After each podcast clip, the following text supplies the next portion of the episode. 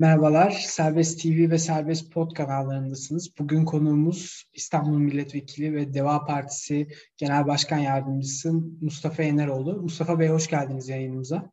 Hoş bulduk, teşekkür ediyorum. İyi yayınlar diliyorum. Teşekkür ederiz. Ee, bugün Mustafa Yeneroğlu ile birlikte e, Ankara'da yaşanan, geçtiğimiz akşam Ankara'da yaşanan e, hazin olayı konuşacağız. Malumunuz e, Suriyeli iki genç tarafından öldürülen bir Türk gencinin ardından başlayan tartışma sokakta büyüdü, alevlendi. Suriyeli ailelerin e, Suriyeli e, sığınmacıların, mültecilerin evlerinin yağmalanmasına, e, arabalarının yakılmasına, e, dükkanlarının yağmalanmasına kadar e, gitti. E, Sayın Mustafa Bey de, Mustafa Eneroğlu da o gece orada e, olaylar yaşanırken e, oradaydı. Kendisi de gördü, yaşadı. E, ilk önce bunu sormak istiyorum Mustafa Bey size. O gece e, sizin gözleminizle orada neler yaşandı, siz neler gözlemlediniz? Bununla başlayalım dilerseniz. Tabii biz e, Altındağ'da olayların e, olduğunu ve Suriyelilerin mağazalarının yağmalandığına dair duyumlar aldıktan sonra e, ben e, gece e, zannedersem 10 buçuk 11 civarıydı. Aşırı derecede rahatsız oldum. Çünkü bir göçmen olarak yani hayatı bir göçmen olarak geçmiş bir insan olarak geçmişte hem yaşadığım ülkede hem de temsil ettiğim camianın e, karşılaştığı Türk düşmanlığı olsun, yabancı düşmanlığı olsun, İslam düşmanlığı olsun, bunun beraberinde e, gelen e, birçok faciayla karşı karşıya kaldım. E, çok genç e, yaşlarımda 1993 yılında Solingen e, katliamı yaşandı. E, yakinen tanıdığımız bir ailenin evinin kundaklanması ve e, orada beş e, vatandaşımızın e, yangınlarda öldürülmesi hadisesi, e, Möln olayları, Almanya'da yaşayan Türklerin zihninde gerçekten önemli yer edinmiş ve belirgin olmuş olaylardır. Dolayısıyla çoğunluk toplumun bir mensubu olarak yaşadığım ülkede de, ana vatanımda da ben bir toplumsal düzenin kalitesini azınlıkların e, yaşam kaliteleriyle ölçülmesi gerektiğini düşünen bir insanım. Çünkü azınlıkların durumu, azınlığın hissiyatı aslında o toplumsal düzenin ne kadar e, huzur verici, ne kadar adil, ne kadar e, e, kaliteli olduğunu ortaya koyar. E, dolayısıyla benim için bu meseleler yani öteki olarak azınlıktan kastettiğim zaten öteki çoğunluk toplumun e, veya çoğunluk toplumun temsilcilerinin ötekileştirdiği, ötekileştirebileceği veya sayısal olarak, azınlık olarak kabul edilebilecek kitlelerdir. Bu anlamda tabii ülkemizde gerçekten mültecilerle ilgili, sığınmacılarla ilgili, artık hangi üst başlığı de kullanırsanız kullanın, göçmenlerle ilgili e, son yıllarda toplumda birikmiş haklı endişeler var. Bunları göz ardı e, edemeyiz, etmiyoruz da, etmememiz de lazım zaten. Ama edilmesinin neticesinde de maalesef bu facialarla karşı karşıya kalabiliyoruz. Yani bunun birkaç boyutu var. Bir, gerçekten e, insanların e, bölgede e, hissiyatlarının dikkate alınmaması, e, kendilerince ortaya koydukları endişelerin dikkate alınmaması, e, süreç içerisinde oluşan gerginliklerin hafife alınması veyahut da yok sayılması bunların hepsi aslında ortamın gerginleşmesi ve bu gibi saldırılara zemin teşkil etmesine e, yol açmaktadır. Şimdi e, Altındağ'daki e, olayda da e, zaten e, bir olay olmuş. Bir e, genç bir kardeşimiz, mahallede bilinen, sevilen genç bir kardeşimiz orada e, bir e, tartışma sonucu e, bıçaklı saldırı neticesinde e, öldürülmüş ve bir genç kardeşimiz de yaralanmış. E, bunun üzerinde tabii zaten geçmişten var olan gelen e, o gerilimlerin neticesinde biz öteki, zaten biz burada Suriyeli istemiyoruz. Burada işte bunu yapanlar e, Suriyelilerdir diye bir genelleme içerisinde. Son ayların da tabii ciddi etkisi var. Son aylarda birçok siyasinin e, mültecilere yönelik kullandığı genellemeci, ötekileştiriciliğin de ciddi manada etkisi var. Bunun neticesinde de insanlar e, adeta galeyana geliyor. Bir linç kültürü oluşuyor. Ve gerçekten bir pogrom havası ben gördüm ve korktum. Yani orada sokakta yürürken e, birçok gencin gruplar halinde 15, 16, 17, 18 yaşındaki gençler bunlar yürüdüğünü, kendileriyle konuşulmasının ya ne yapıyorsunuz, ne ediyorsunuz denilmesinin bile adeta imkansız olduğu, herkesin sonuçta yani Suriyeli arayacağız, biz de onları öldüreceğiz, onları burada yaşatmayacağız şeklinde bir hava içerisine girdiğini e, gördüm. E, bu grupların yanında da yani sokakta yürüyen bu grupların yanında da aynı zamanda da orada arabalarla konvoy halinde geçenler de vardı. Bu konvoy halinde geçenler e, sonuna kadar e, işte Türk e, e, Kiem e, türküsünü açmışlar veyahut da Merter Marşı'nı açmışlar. Böyle sokaklara dolaşıyorlar. E, süreç içerisinde tabii e, polisin sayısı arttı. E, süreç içerisinde polis mahalleleri kapattı. Ama bazı evet, mahallelerde bunu, müdahale etmekte çok geç kaldı. Bunu sormak istiyorum size e, Mustafa Bey çok pardon. E, bunu sormak istiyorum. Siz de oradaydınız.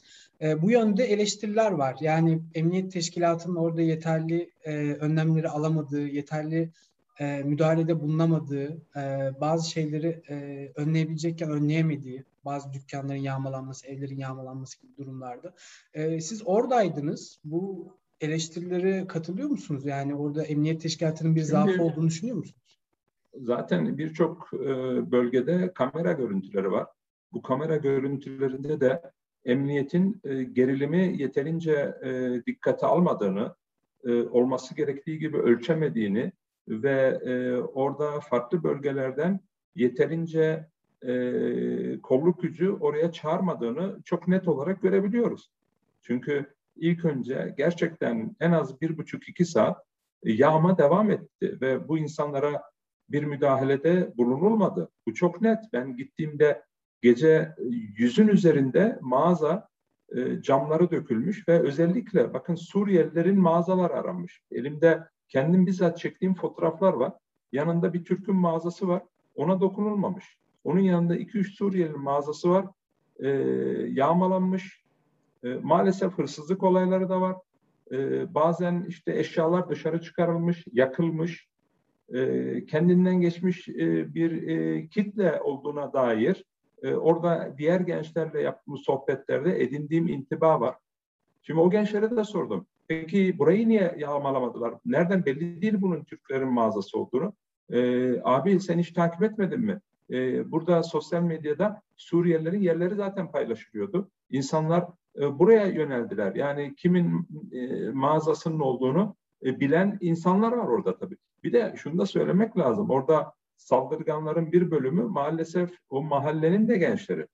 Yani bunlar hani dışarıdan geliyor, bilmem dışarıdan gelen provokatörler şeklinde meseleyi değerlendirip hafif almak da mümkün değil. O mahallede olan insanlar. Zaten dün emniyetin açıklaması 72 herhalde e, tutuklama vardı, gözaltı vardı. Ben buna ciddi manada şaşırmıştım. Çünkü dedim ki ya bu böyle olamaz ki dedim ya orada çok çok daha fazla e, insan vardı. Zaten kamera görüntülerine baktığınız zaman bunu net olarak görüyorsunuz. E, ve bu insanlara bakıyoruz. Bunların önemli bir bölümü geçmişte de e, suç işlemiş insanlar, sabıkalı insanlar e, ve e, yağmayla bilmem e, ne e, kasten yaralama, mala zar, zarar verme, Hatta uyuşturucu e, kullanımıyla da e, kayda geçmiş e, insanlar. Zaten ben de gerçekten sokaklarda yürürken bazı gençlere böyle böyle konuştuğumda çok çok dikkatimi çekiyordu. Yani hiç e, algı e, kabiliyetleri adeta yok olmuştu. Kendilerinden gel, geçmiş e, Suriyeli arıyoruz. Onları öldüreceğiz, onları yaşatmayacağız. E, onlar buraya geri dönemeyecekler. Zaten bu mağazaların yağmalanmasının sebebi özellikle e, motivasyonu bu insanlar buraya geri dönmesinlerdi. Bunu çok net olarak görüyoruz. Yani bunu gençlerle sohbet ettiğimde de bunu açık ve net olarak ifade ediyorlardı. Bir daha burada bir daha burada yaşayamazlar. Buraya geri dönmesinler. Şimdi e, bu olaylar tabii ki E, yani bir e, sebep değil, bu olaylar bir sonuç. Bunu da görmemiz lazım. Yıllardır süre gelen politikasızlığın bir sonucu. Ama asıl acı olan e, bunu oradaki vatandaşlarımız sorumlulara fatura etmesi gerekirken, sorumlulardan bunun hesabını sorması gerekirken orada en zayıf halka olan e, Suriyelilerden ve çok büyük bir ekseriyeti herhangi bir suça karışmamış olan insanların e, ciddi manada hayatlarını tehlikeye atmaları, tehdit etmeleri, evlerini yakacak noktaya gelmeleri ve gerçekten e, çok böyle acıklı olayların yaşanması. Yani bizim de orada bildiğimiz e, aileler var.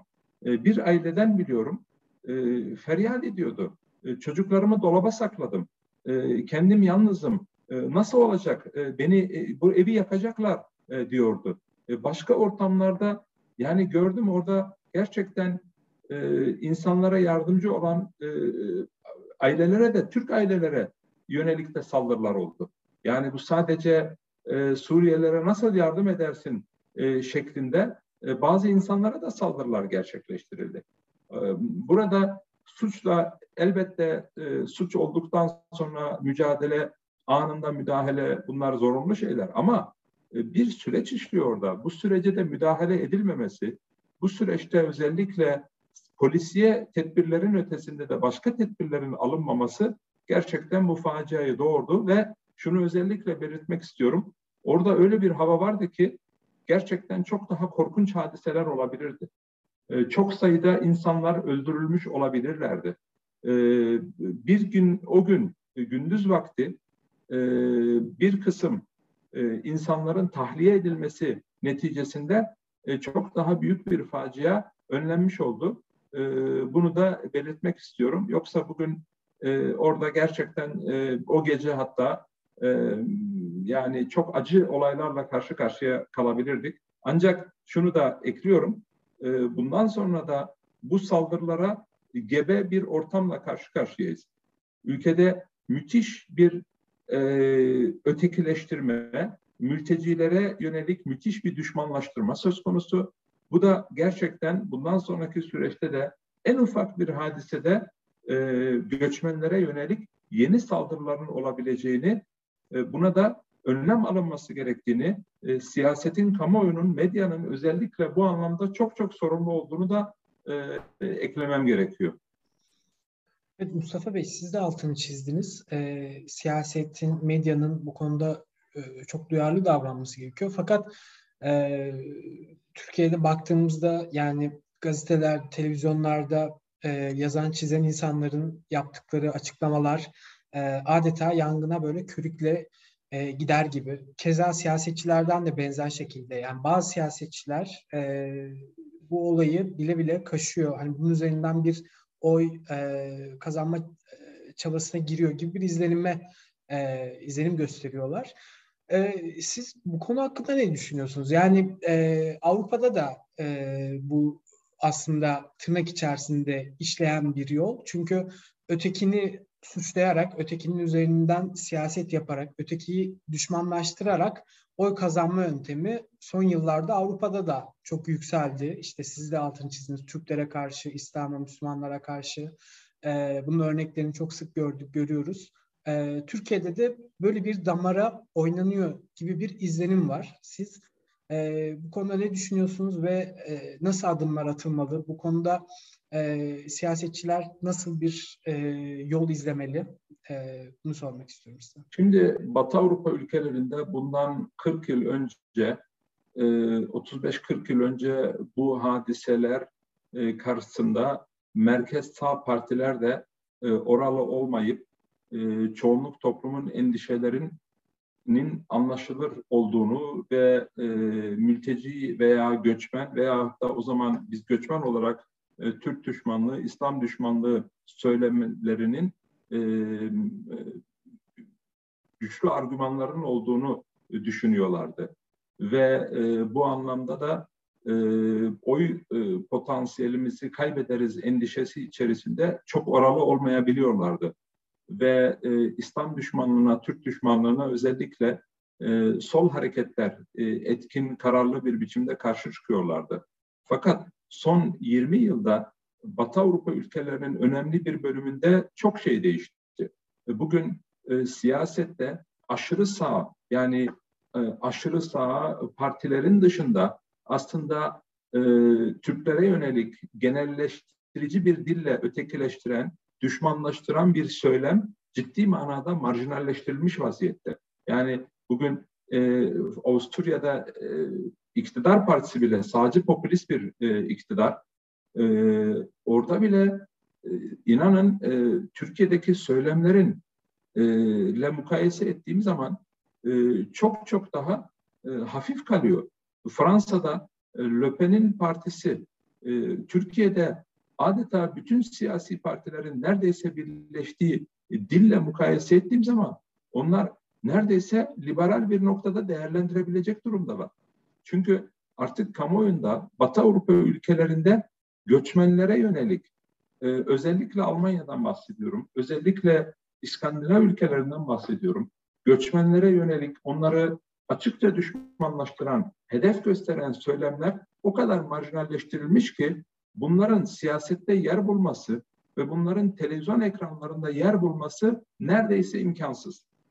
Bakın olmuyor manasına gelmiyor bu. Oluyor fakat özellikle e, kitle partileri tarafından, özellikle e, hassas kamuoyu tarafından da bu insanlar kesin bir dille reddediliyor ve dışlanıyorlar. Ama kendi ülkeme baktığım zaman ülkemde iktidar partisi kayıtsız, adeta yabancı düşmanlığını körükleyen politikalar takip ediyor. Kayıtsızlığı sebebiyle e, ortağının e, içinde bulunduğu zemin zaten Avrupa ülkeleriyle mukayese ettiğimiz zaman azgın milliyetçiliğin bile çok ötesine geçen bir noktada. Yani bunu özellikle belirtmek gerekiyor. Bugün Türkiye'deki e, iktidar ittifakını Avrupa ülkeleriyle mukayese ettiğimiz zaman gerçekten sağcı popülizmi çok aşan, sağcı ekstremizmin çok ötesinde e, bazı boyutları itibariyle de faşizan eğilimler ortaya koyan bir iktidar ittifakıyla karşı karşıyayız. Şimdi bunun karşısında yetmiyormuş gibi e, sol partilerde Türkiye'de mülteci karşıtı bir dil geliştiriyorlar. Göçmen karşıtı bir dil geliştiriyorlar. Ve bunu so- sosyal demokratlık adına yapabiliyorlar. Bunlar gerçekten çok üzücü, çok endişe verici gelişmeler. Yine e, burada Türkiye'de siyasetin e, insanları etnik kimlikleri, kültürel kimlikleri, dini kimlikleri sebebiyle ötekileştirmeme noktasında, düşmanlaştırmama noktasında bir konsensüsleri yok. Kamuoyunun da burada bir konsensüs yok. Ben e, dün bir e, televizyon tartışmasına katıldım. İnanın ürktüm. Yani akademisyen olarak davet edilen insanların adeta açık ve net olarak tehciri savunmaları, bazıların e, Afganların, Suriyelilerin genlerinde e, kötülük olduğunu e, ifade eder noktaya gelmiş olmaları, yani çok açık ve net ırkçı ifadeleri çok rahatlıkla böyle ana akım ortamda kullanabilmiş olmaları e, e, toplum içerisinde de elbette bu insanlara yönelik e, yabancılaşmayı, ötekileştirmeyi, düşmanlaştırmayı ciddi manada teşvik ediyor. Bununla mücadele edilmesi ancak bir devlet politikası olduğu takdirde, ancak siyasetin bir araya gelerek bir konsensüs sağladığı takdirde mümkün olabilir. Normalde Cumhurbaşkanı'nın tabii kendisi ikide bir ötekileştirici, düşmanlaştırıcı bir dil kullandığı için böyle bir zemin yok. Ama normal şartlarda Cumhurbaşkanı siyasi partilerin liderlerinin tamamını toplayıp arkadaşlar ne yapıyorsunuz? Toplumu geri, geliyorsunuz. Bu dil, bu yaklaşım biçimi, bu toplum içerisinde bu insanlara yönelik hiç kimsenin e, e, tasvip edemeyeceği olaylara yol açar. Bu hiçbir sorun da çözemez demesi gerekirken tabii Cumhurbaşkanı bizzat kendisi bu ötekileştirmenin, düşmanlaştırmanın e, hem e, birçok e, boyutu itibariyle yani göç konusunda politikasızlığı Türkiye'de ötekileştirilen kesimlerle ilgili de kullandığı düşmanlaştırıcı dil sebebiyle böyle bir pozisyonu yok olması mümkün değil. Yani milletin birliğini, bütünlüğünü, hukukun üstünlüğünü savunması mümkün değil. Ama akil insanlar bu durumda artık sonuçta diğer siyasi partilerden en azından çıkmalı. Herkesin sonuçta bir linç havası içerisinde olduğu bir ortamda özellikle iktidar ittifakının böyle bir havada olduğu bir ortamda muhalefet partilerinin çok daha sağduyulu hareket etmesi gerektiğini düşünüyorum.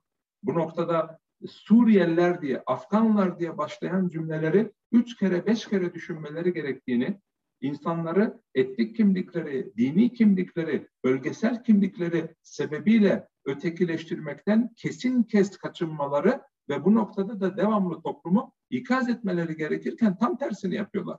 Yani faturayı göçmenlere kesiyorlar. Faturayı gerçekten e, iletişim bile kurmadıkları e, insanlara kesiyorlar. Ve bu insanları kamuoyunda görmüyoruz. Yani bu tartışma programlarında e, Suriyelileri görmüyoruz. Ya siz ne diyorsunuz? Yani hep onların üzerinde konuşuyor. Ama onların da dahil edildikleri ortamlar oluşturulması lazım. İnsanımıza bu insanları da tanıma, bu insanların dertlerini, tasasını, motivasyonlarını anlama fırsatı vermemiz lazım. Ancak bu şekilde toplum içerisinde yabancılaşmayı ortadan kaldırabiliriz.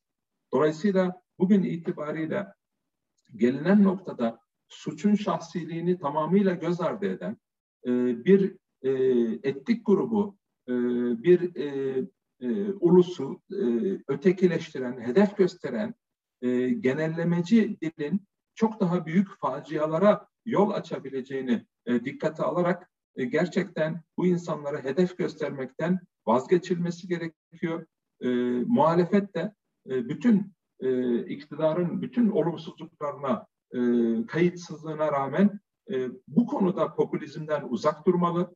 Türkiye'de gazeteciler e, medya kullandığı dile gerçekten azami derecede dikkat etmeli e, ve e, güvenlik güçlerimizde özellikle e, vandalizmi e, Suriyelilere yönelik ötekileştirilen e, ötekileştirmenin ötesine geçen suç teşkil eden yaklaşımların kesin kes üzerine gitmeleri gerekiyor. Bunlar hafife alınmaması gerekiyor.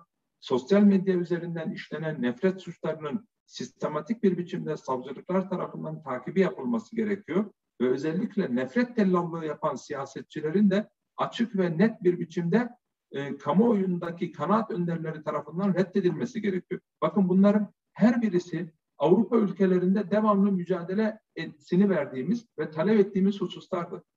Ancak bunların hiçbirisi maalesef kendi ülkemde e, sağlanabilmiş değil. O sebepten dolayı saha adeta boş. Bu boşluk içerisinde de e, iktidarın da işine geliyor. Kendisi hedef olmaktansa e, en e, gariban insanları kendisini ifade etmekten mahrum olan insanların hedef gösterilmesi şu anda iktidarın da işine geliyor. Bunu zaten bakın neticelerde görüyoruz. Altındağ'dan bahsedelim. Toplumun büyük bir ekseriyeti ciddi endişe kaygı içerisinde ki bu endişeler de ben göz ardı etmiyorum. Bakın bu endişeleri siyaset ciddiye alması gerekir. Bu endişeleri kesinlikle hafife alamayız. İnsanların çok ciddi ekonomik kaygıları var. Niye? Kiralar arttı. E, işlerini Afganlar, Suriyeliler aldığına dair kanaatleri var. Bunlarla ilgili hem olgularla hem algılarla mücadele edilmesi gerekiyor. E, bunun ötesinde suçların arttığına dair algılar var. E, suçlarla etkin mücadele edildiğine dair e, iktidar net olarak e, olguları ortaya koyması gerekiyor ve algıyı yönetmesi gerekiyor. Kamu hizmetinin ciddi manada böyle bölgelerde bozulduğuna dair kanaatler var. Bununla ilgili somut veriler de var. E, bununla mücadele edilmesi gerekiyor. İnsanlar kimlik kaybından endişe ediyorlar. Demografik değişimden endişe ediyorlar. E, bunu ifade ediyorlar.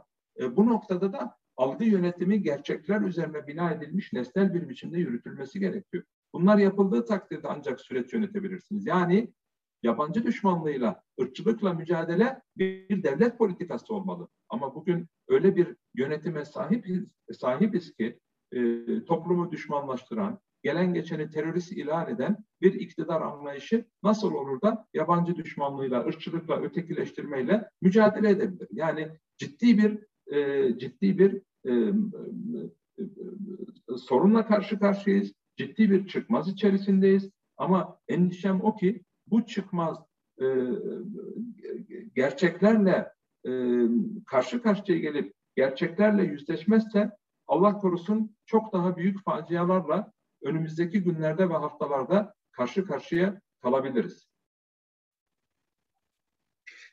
Evet Mustafa Bey sorunlardan e, söz ettik. Biraz da çözüm önerilerini konuşalım dilerseniz. E, bu bahsettiğimiz sorunlara yani e, işte oradaki halkın e, bazı talepleri, mültecilerin, sığınmacıların yaşadıkları sorunlar vesaire nasıl bir politika izlenmeli, nasıl çözüm yolları öneriyorsunuz, neler yapılabilir şu anda bu sorunun e, daha da büyümesini engellemek için ve bazı noktalarda durmasını sağlayabilmek için? Yani e, çünkü burada sadece sorunları ifade etmekle bırakmak istemiyorum. Yani burada gerçekten bu meselelerin çözümü hani sadece olayı evet bir düşmanlaştırma var. Ancak e, ne yapmalı? Ortada somut sorunlar da var. E, bu sorunlarla nasıl mücadele edilmeli? Bunlar üzerinde de durmamız gerekiyor. Bakın bir kere e, demin bahsettim. Ortada ciddi bir kayıtsızlık söz konusu. İnsanların dertleri dikkate alınmıyor. Dertleri dikkate alınmadığı için de bu ortamlar oluşuyor. O gençlerle devamlı bir biçimde e, polisin müdahale etmesini gerektirmeyecek zeminler oluşturulsa, yani Batı ülkelerinde mesela street worker'ler vardır. Özellikle devletin e, bu sosyal olarak sorunlu bölgelerinde e, görevlendirdiği e, e, görevlendirdiği sosyal pedagoglar vardır. Bu insanlar ciddi manada bu bölgelerde görev yapmalı. Bunlar e, yabancılaşmayı ortadan kaldırmalı. Bakın ben bir orada gence sordum. Hiç Suriyeli'yi tanımıyorsun, tanıyor musun diyor. Abi benim onunla ne işim var dedi. Peki hiç iletişim kurduğunuz insanlar yok mu? E yok. E şimdi nasıl olmaz? Bunları bu ortamları biz bu yabancılaşmayı ortadan kaldıran zeminler oluşturmamız lazım. Ee, okulların e, özellikle ilkokul düzeyinde okullaşma oranının maalesef yeterli olmadığını ama lise düzeyinde de e, bu insanların okullaşmalarının e, yüzde otuzlara, yirmilere gerilediğini görüyoruz. Bu sebepten dolayı gençler birbirleriyle iletişim kurmuyor, birbirlerini tanımıyor. Kendi ortamları içerisinde birbirleriyle ilgili o yabancılaşmanın, yabancılığın beraberinde getirdiği ötekileştirmeler beslenebiliyor. Bunlarla etkin bir biçimde mücadele edilmeli ve pozitif bir biçimde mücadele edilmeli. Yani negatif bir bağlamda ele alınmamalı. Bu şu demektir, bunun üst başlığı uyum ve katılım politikaları çok boyutlu, sosyal alanda, e, ekonomik alanda, kültürel alanda e, bu kültürleşmeyi, e, karşılıklı adaptasyonu e, devlet politikası olarak takip etmediğiniz takdirde yol almanız mümkün değildir. Türkiye'nin göçmenlerle ilgili şimdiye kadar bir e, politikası olmadı, bir stratejisi olmadı. Zaten olsaydı bu nüfus konsantrasyonları olmazdı. Bu yığılmalar bu şekilde olmazdı. Yani bir bölgenin ekonomik yapısının kaldıramayacak düzeyde göçmenleri orada yoğunlaştırırsanız orada buna benzer sorunların çıkmasından daha doğal bir şey olamaz maalesef. Bu dünyanın her yerinde görülüyor. Dünyanın ama hiçbir ülkesi Türkiye'nin yaptığını yapmadı. Yani insanları belli bölgelere terk etmedi. Belli bölgelere konsantre olmalarını e, önleyen politikalar geliştirilmedi. Batı Avrupa ülkelerine bir mülteci, bir göçmen gittiği zaman mutlaka merkezi dağıtım sistemine tabi olur. Hangi bölgeye gönderileceğini merkezi sistem içerisinde ilgili mülteci dairesi karar verir. Bizim ülkemizde 2017'ye kadar böyle bir İslam politikası takip edilmedi. Takip edilmediği gibi yerel yönetimlere de ciddi destek verilmedi. Bakın daha da birçok bölgede çok ciddi sığınmacı göçmen yaşamasına rağmen o e, illerin veyahut da belediyelerin aldıkları e, kaynak vatandaş sayısına göre. Orada ikamet eden insanların sayısına göre değil.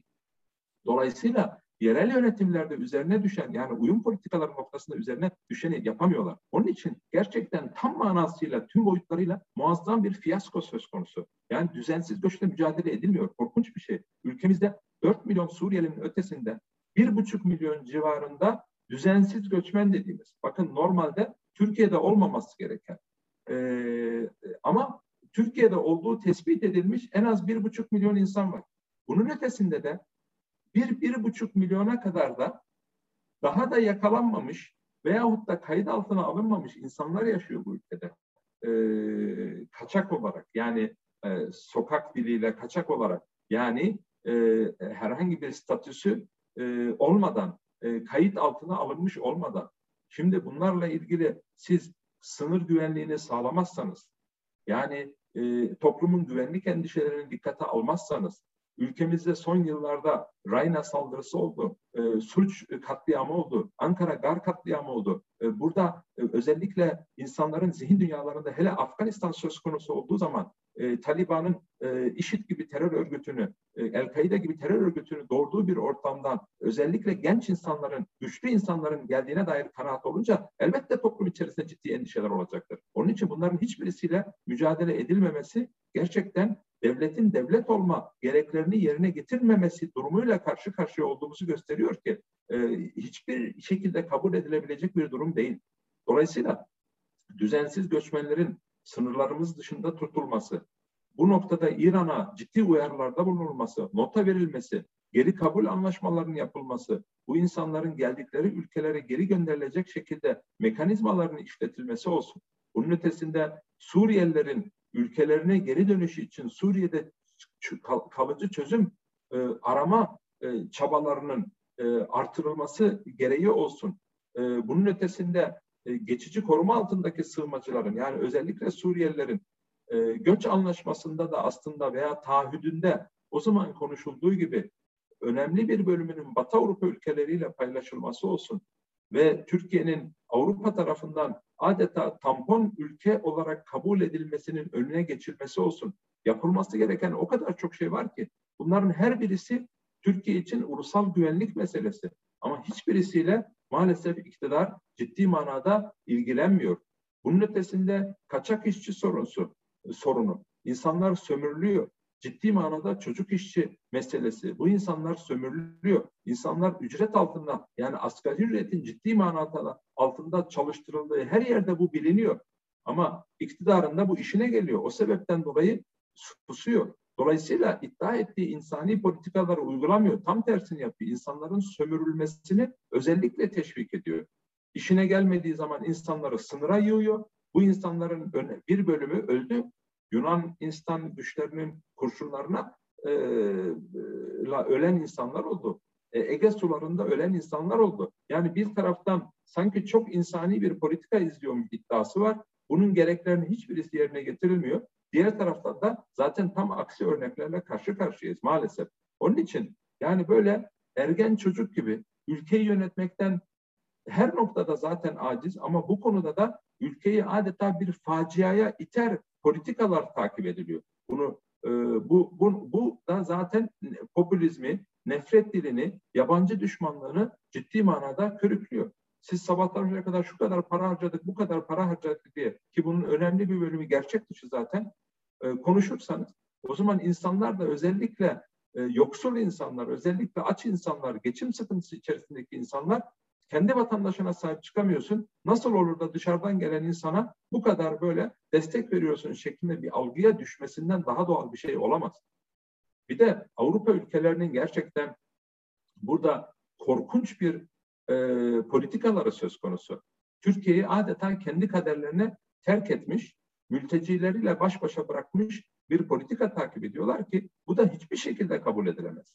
Yani e, göç konusunun, mülteci konusunun sadece Türkiye'nin değil, dünyanın ortak bir sorunu olduğunu ve e, birlikte özellikle güçlü, zengin ülkelerin kendi imkanlarını, kapasitelerini, ekonomik imkanlarını da e, bu noktada e, seferber etmeleri gerektiğini tamamen göz ardı edebilecekleri düzeyde Türkiye bir politika takip ediyor. Sadece bir örnek vereyim size. Bu geri kabul anlaşması sürecinde de o zaman da maalesef içeride ciddi eleştirilerde bulundum ama netice alamadık. Bakın 6 milyardan ikide bir bahsediliyor. Avrupa Birliği'nin Türkiye'ye destek olarak e, veyahut da Suriyelilere doğrudan e, e, ulaşan destek olarak projelere 6 milyar euronun ayrılması. Bunun şimdiye kadar 4 milyarı kullanıldı. Şimdi bunların bir hesabını yapalım. Kişi başına ayda 30 euro düşüyor. Halbuki bir Almanya e, kendisi oraya giden bir sığınmacı için kişi, kişi başına 1250 avro maliyet hesap ediyor.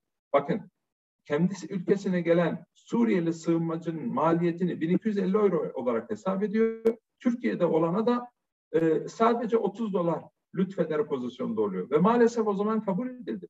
Ben bunun çok yanlış olduğunu o zaman da söylemiştim. 40'ta biri bakın yani. Bugün e, Suriyelileri, yani 4 milyon Suriyeli Almanya'da yaşamış olsaydı yılda 54 milyar, en az 54 milyar euro maliyeti olacaktı. Dolayısıyla burada da maalesef bizim e, arkadaşlar hesabı kitabı çok yanlış yaptılar. Aynı zamanda olmaması gerektiği biçimde başka işlerle bu meseleyi karıştırdılar. Ve e, sonuç itibariyle de e, iktidar içerisindeki kavga neticesinde orada bile netice alınmadı. Hatırlayın vize serbestisi süreci işleyecekti e, sözde. Şu anda hayal edemeyecek noktadayız. Gümrük Birliği ilerletilecekti. Şu anda hiç konuşacak durumda bile değiliz. Avrupa Birliği ile ilgili katılım sürecinde yeni fasıllar açılacaktı. Şu anda hiç kimse onun yani lafını bile etmesi e, hayalinden bile geçmez. Onun için bunların her birisi son yıllarda göç politikalarında yapılan büyük hataların sadece başlıkları bunların her birisi gerçekten çok detaylı bir biçimde ele alınabilecek düzeyde, konuşulması gereken düzeyde. Sonuç itibariyle şunu söylememiz lazım. E, göç konusu, göçmenlerin konusu daha fazla ertelenemez. E, elimizde adeta e, gerçekten pimi çekilmiş bomba gibi e, bir e, süreçle karşı karşıyayız. E, bunun faturasının göçmenlere kesilmesi, mültecilere, sığınmacılara kesilmesi gibi e, bir e, e, kötü bir süreçle karşı karşıyayız. E, insanların hayatları söz konusu.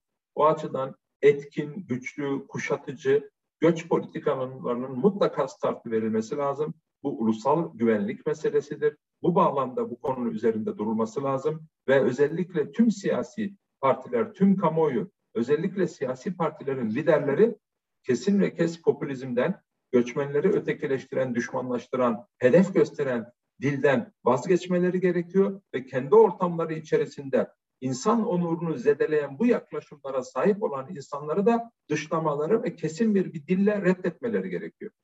Son olarak bunu söylemiş olayım. Mustafa Bey çok teşekkür ediyoruz. Ee, sorunlar ve çözüm önerileri üzerine e, çok önemli noktalara temas ettiniz. Ayrıca e, Altındağ'da yaşananlar üzerine de gördükleriniz, tecrübe ettikleriniz bizimle paylaştınız, vakit ayırdınız. Çok sağ olun. E, tekrar başka bir programda e, görüşmek üzere ağırlamak isteriz yine sizi. İyi günler diliyorum. Teşekkür ediyorum. İyi yayınlar diliyorum. Kendinize iyi bakın. Hayırlı günler. Olun.